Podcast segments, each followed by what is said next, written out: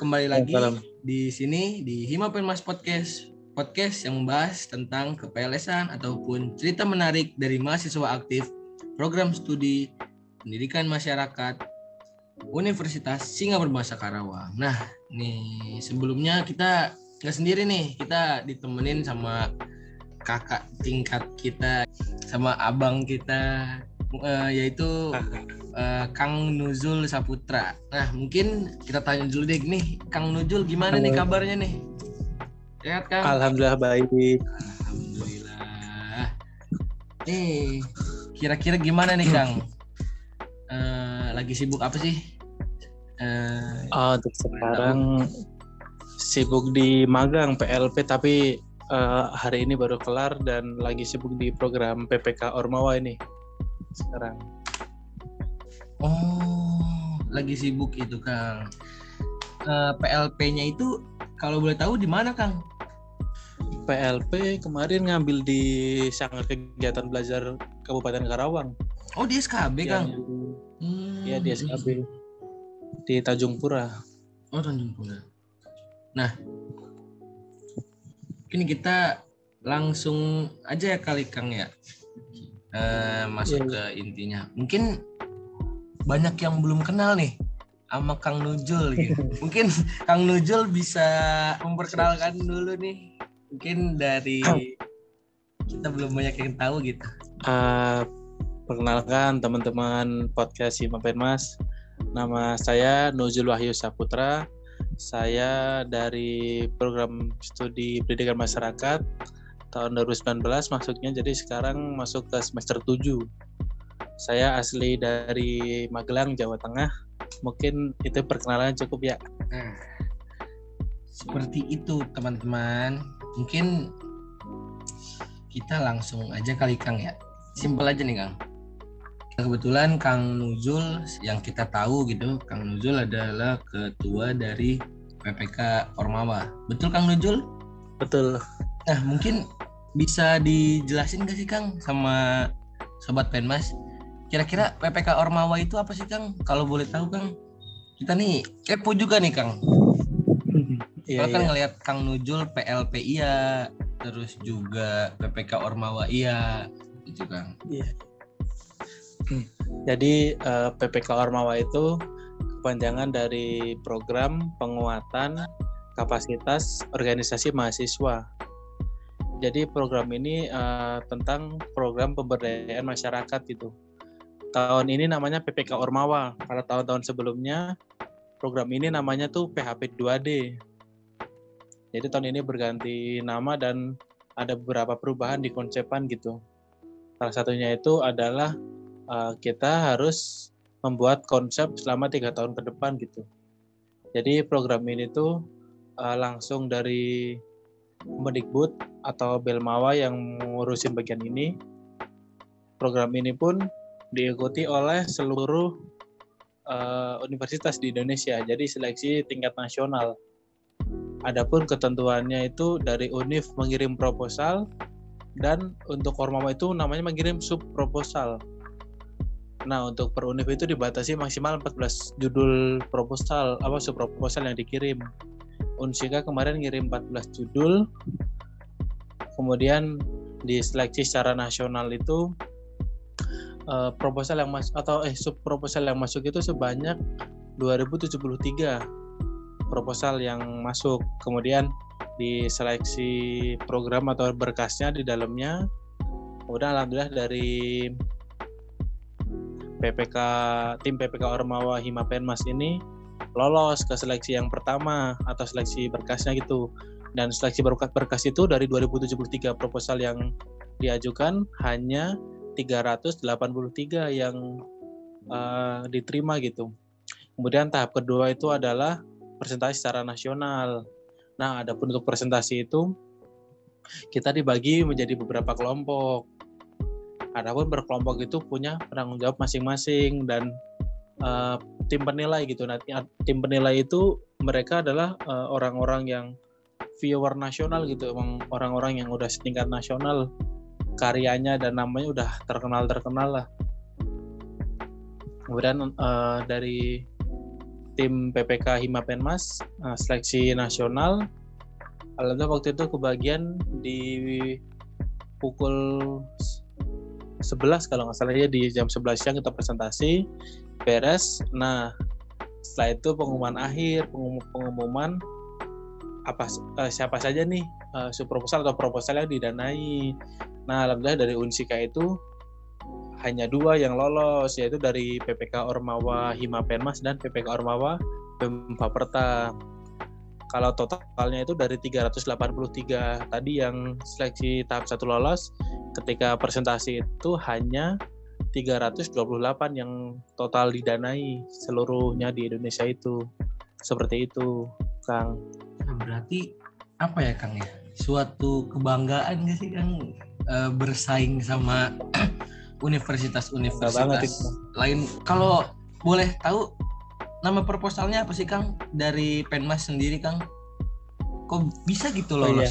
Karena kita juga bangga gitu.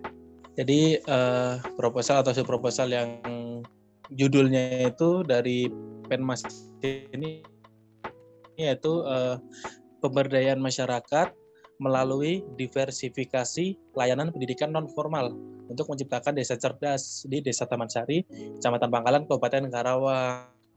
Jadi karena emang kita itu penmas itu dari uh, Fakultas Pendidikan pun uh, mengambil tema tema desa cerdas. Nah, adapun programnya pun program yang emang berkaitan dengan uh, pendidikan masyarakat atau pendidikan non formal seperti itu. Jadi uh, kegiatan ini atau program ini ya seolah-olah kita uh, ini yang akan kita laksanakan nanti di masa depan gitu. Ini ilmu PLS itu seperti ini penerapannya seperti ini. Jadi PPK ini bisa dibilang sebagai laboratoriumnya PLS gitu. Seperti itu kan. Nah, uh, tadi Kang Nujul bilang uh, desa cerdas. Kira-kira kegiatan di sana itu ngapain aja sih Kang? Kalau yang Kang Nujul jelasin tadi kan kita uh, mengambil temanya desa cerdas ya. Mungkin bisa dikasih tahu nggak sih Kang sama sobat Penmas gitu kegiatan di sana ngapain aja sih Kang? Kayaknya asik-asik nih kalau menurut saya nih. Iya iya. Jadi uh, program kita kan memang program yang bergerak di bidang pendidikan non formal. Adapun uh, program yang kita bawa itu ada lima program. Oh jadi maaf, tema desa cerdas itu salah satu tujuannya atau salah satu indikator keberhasilan itu adalah menciptakan lima pojok literasi. Nah, kita udah menyiapkan lima program nih. Nah, yang ada yang pertama itu adalah uh, pojok PAUD atau pojok pendidikan anak usia dini. Kemudian ada pojok KF atau keaksaraan fungsional. Kemudian ada pojok KBU atau kelompok belajar usaha. Lalu selanjutnya ada pojok uh, kesetaraan kesetaraan paket C dan yang terakhir adalah pojok taman bacaan masyarakat. Adapun per pojok itu punya tujuan tujuan masing-masing gitu. Ini kan kita sesuai judul proposal kan uh, layanan pendidikan non formal. Jadi kita membuka layanan pendidikan non formal di Desa Taman Sari. Adapun layanan pendidikan yang kita berikan yaitu yang lima tadi barusan saya sebutkan. Uh, seperti pendidikan, pendidikan anak usia dini itu kita laksanakan di Kampung Citalaga namanya. Jadi Kampung Citalaga itu termasuk uh, kampungnya cukup terisolir lah di, di desa Taman Sari itu gitu. Kampung yang paling ujung. Jadi kalau dari bawah naik ke atas itu ada tanah berem, kemudian Citalaga. Nah Citalaga itu atasnya udah hutan, udah kawasan berhutani gitu. Jadi uh, di sana itu juga nggak ada PAUD. Jadi anak-anak yang masuk ke SD pun uh, belum pada bisa baca tulis gitu. Jadi kita membuka layanan pendidikan PAUD di Kampung Citalaga kemudian ada ada pojok kelompok belajar usaha. Nah untuk kelompok belajar usaha itu kita membuat uh, pelatihan.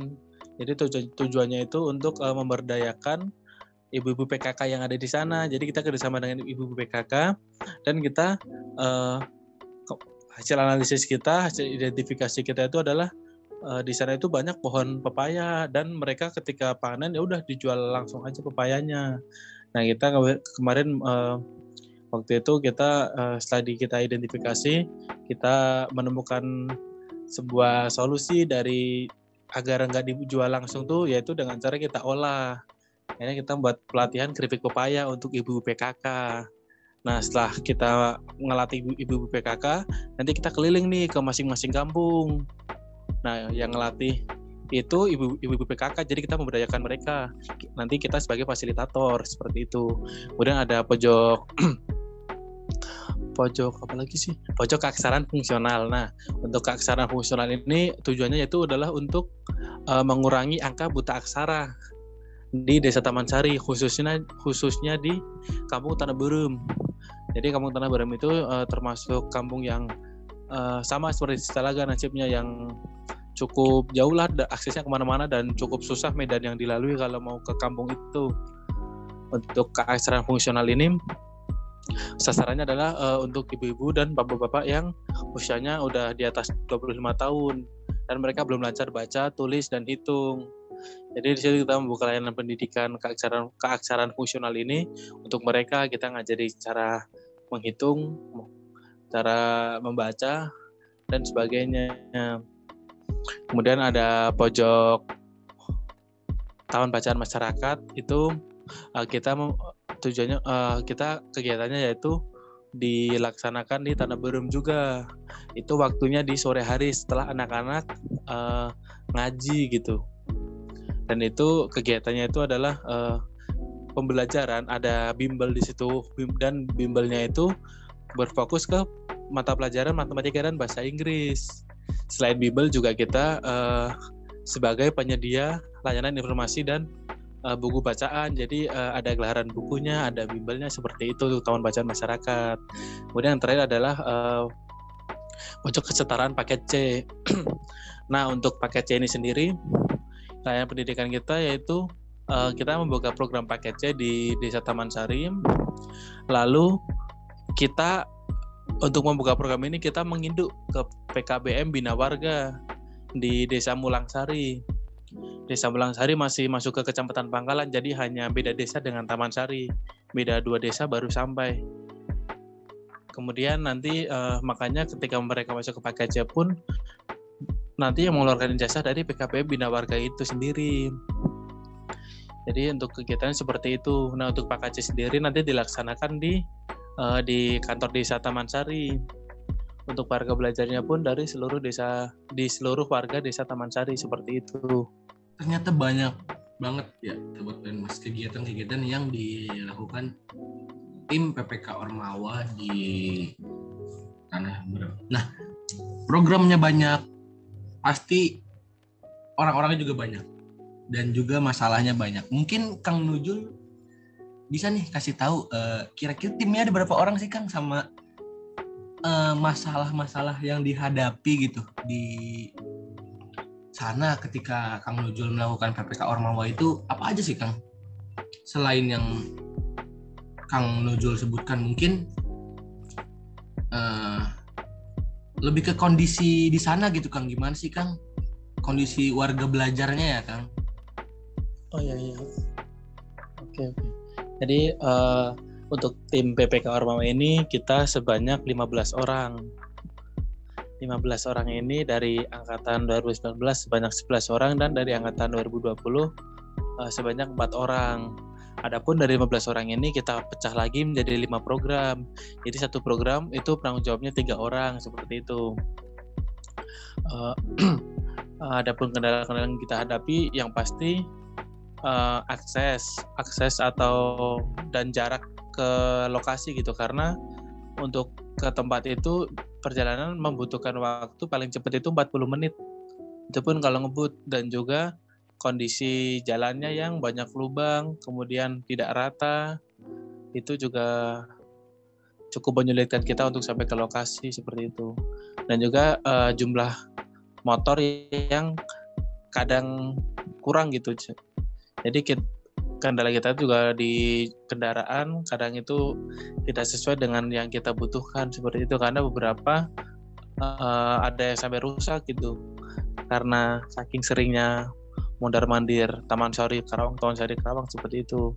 Uh, kendala yang lainnya itu mungkin di sana itu uh, warga belajarnya itu untuk paket C itu uh, agak susah nyarinya karena uh, ada satu dan lain hal ya karena mereka di sana itu masih kurang apa ya uh, belum begitu melek lah pendidikannya itu di sana. Kebanyakan lulusan SMP dan tidak melanjutkan ke SMA adapun kita membuka paket C itu untuk memberikan akses itu tapi warganya itu eh, nggak uh, belum pengen gitu belum mau melanjutkan ke paket C. Begitupun di beberapa program lain masyarakatnya itu uh, ada banyak yang senang dengan program kita ada juga yang uh, acuh gitu beberapa sih. Tapi hal-hal seperti itu tidak membuat kita untuk menurunkan semangat kita karena kita sudah uh, ikut dalam PPK ini kita memiliki tanggung jawab dan kita harus menyelesaikan program ini juga karena kita yang mulai dan kita juga yang harus menyelesaikan. Mungkin kendalanya nggak begitu banyak lebih ke akses aja sih seperti itu kan ternyata parah juga ya Kang ya? Uh, yang Kang bilang tadi gitu. Aksesnya iya warga belajarnya uh, ada yang acuh iya. Ada nggak sih Kang yang apa ya yang warga di sana tuh menolak?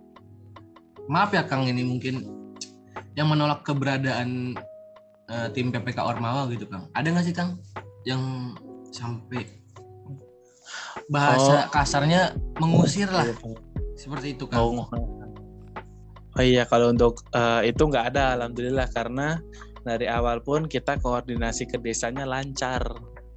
Jadi kita udah koordinasi ke desa, dan juga kita ikut rapat mingguan juga rapat mingguan desa nah di situ pun kita menyampaikan ke pihak desa stafnya dan juga ke RT RW dan kepala dusun di desa Taman Sari. Alhamdulillah dari semua respon pun mereka sangat senang dengan respon kita.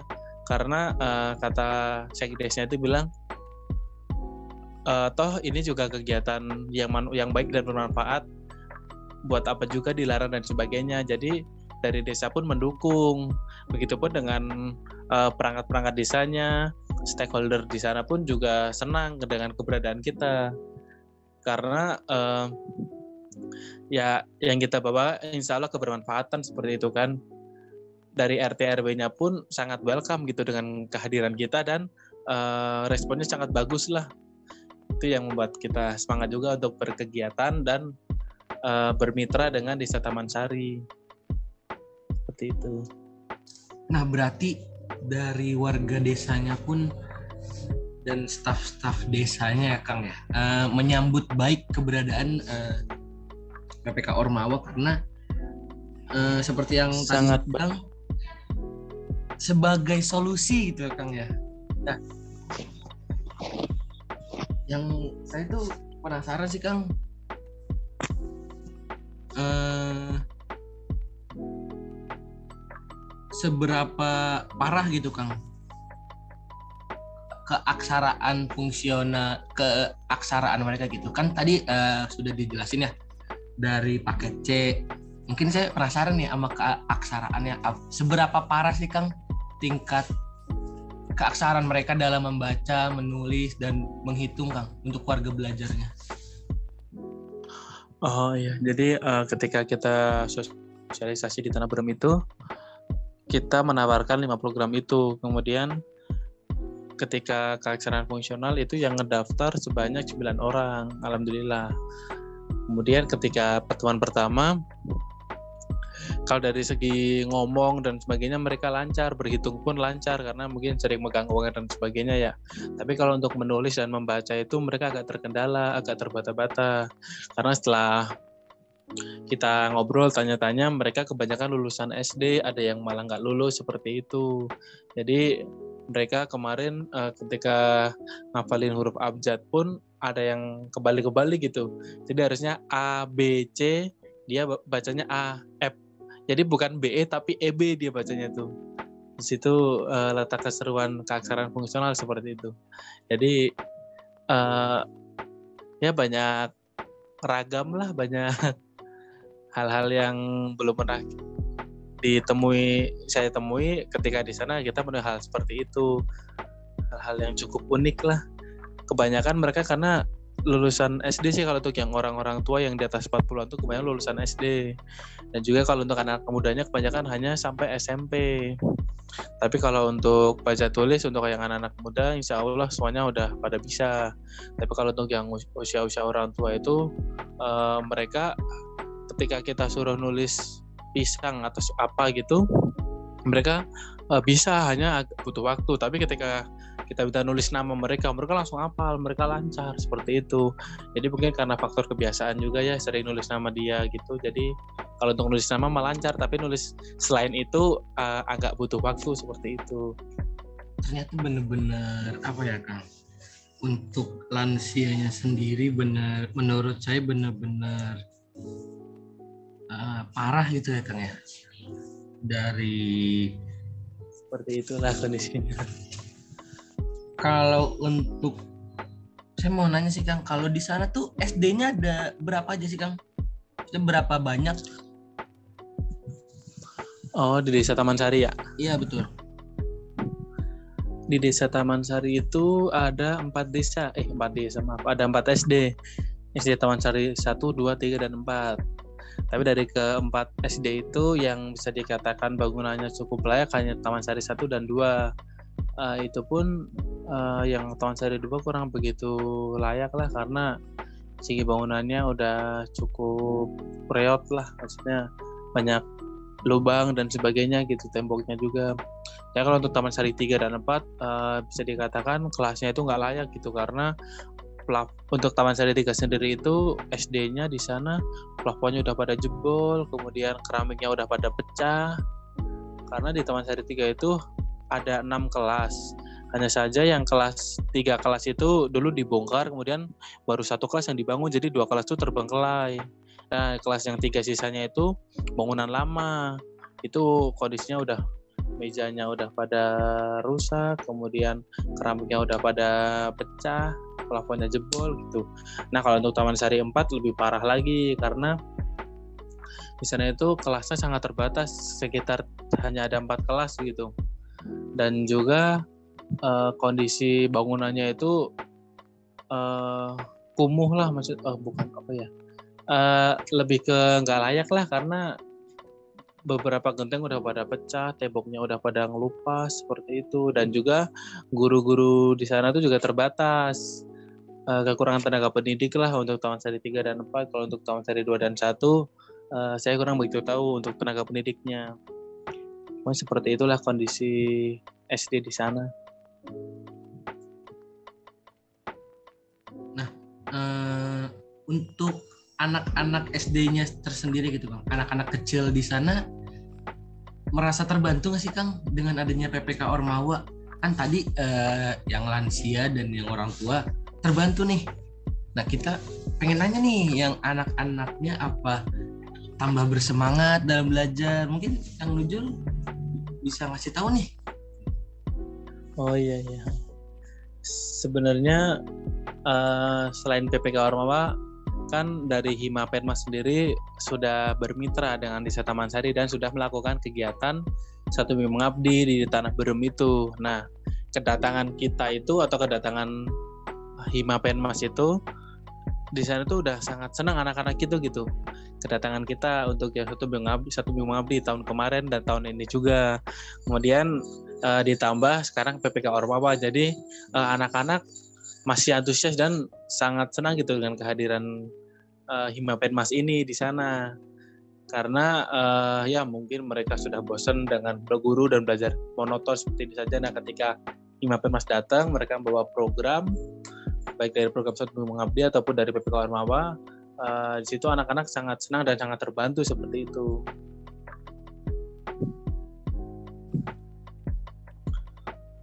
Anak-anak di sana pada senang lah menyambut baik dengan kehadiran Hima Permas di sana seperti itu. Nah mungkin uh, dari Kang Nuzul dan tim PPK Ormawa sendiri apa harapannya untuk uh, eh, PPK Ormawa sendiri yang Kang lakukan dan apa sih harapan untuk warga belajarnya Kang? Nah, kalau harapan terbesarnya itu karena ini uh, program sesuai judul ya pemberdayaan masyarakat. Yang ya goals terbesarnya itu adalah ketika masyarakat itu sendiri sudah berdaya gitu. Jadi uh, dari seperti fungsi pendidikan gitu dari yang tidak bisa menjadi bisa yang tidak tahu menjadi tahu dan tidak yang tidak mau menjadi mau seperti itu. Jadi uh, diharapkan dengan kehadiran Hima Penwas ini khususnya di program PPK Ormawa ini bisa membuat masyarakat uh, lebih berdaya gitu bisa menjalankan program ini tanpa adanya kita. Jadi ketika PPK Ormawa ini selesai, program yang telah kita bawa, program yang telah kita laksanakan itu bisa berkelanjutan dan uh, mereka yang melanjutkan seperti itu. Jadi uh, ketika kita pulang, ketika kita sedang berkegiatan di sana, bukan cuma tinggal kenangan programnya, tapi masih berlanjut dan masyarakat itu sendiri yang menjalankan program itu. Jadi itu harapan terbesarnya seperti itu. Karena kebanyakan program yang telah dilaksanakan oleh mahasiswa itu sebenarnya eh, kadang ketika mahasiswa pulang program itu nggak jalan. Nah harapan terbesarnya PPK seperti itu. Jadi ketika program sudah selesai ya mereka tetap menjalankan program itu karena tujuannya tadi pemberdayaan masyarakat membuat masyarakat jadi lebih berdaya lebih memiliki ilmu baru memiliki ya hal baru dan bisa mereka kembangkan dan mereka pertahankan gitu. Seperti itu sih.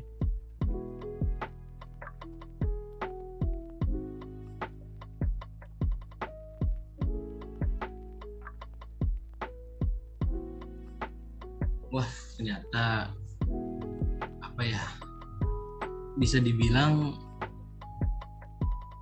uh, semoga PPK Ormawa ini bisa membantu kepada warga desa Taman Sari dan juga uh, bisa membantu anak-anak yang ada di desa Taman Sari. Ya, maaf banget nih Kang, kita udah ada di ujung acara iya, iya. Mas Podcast.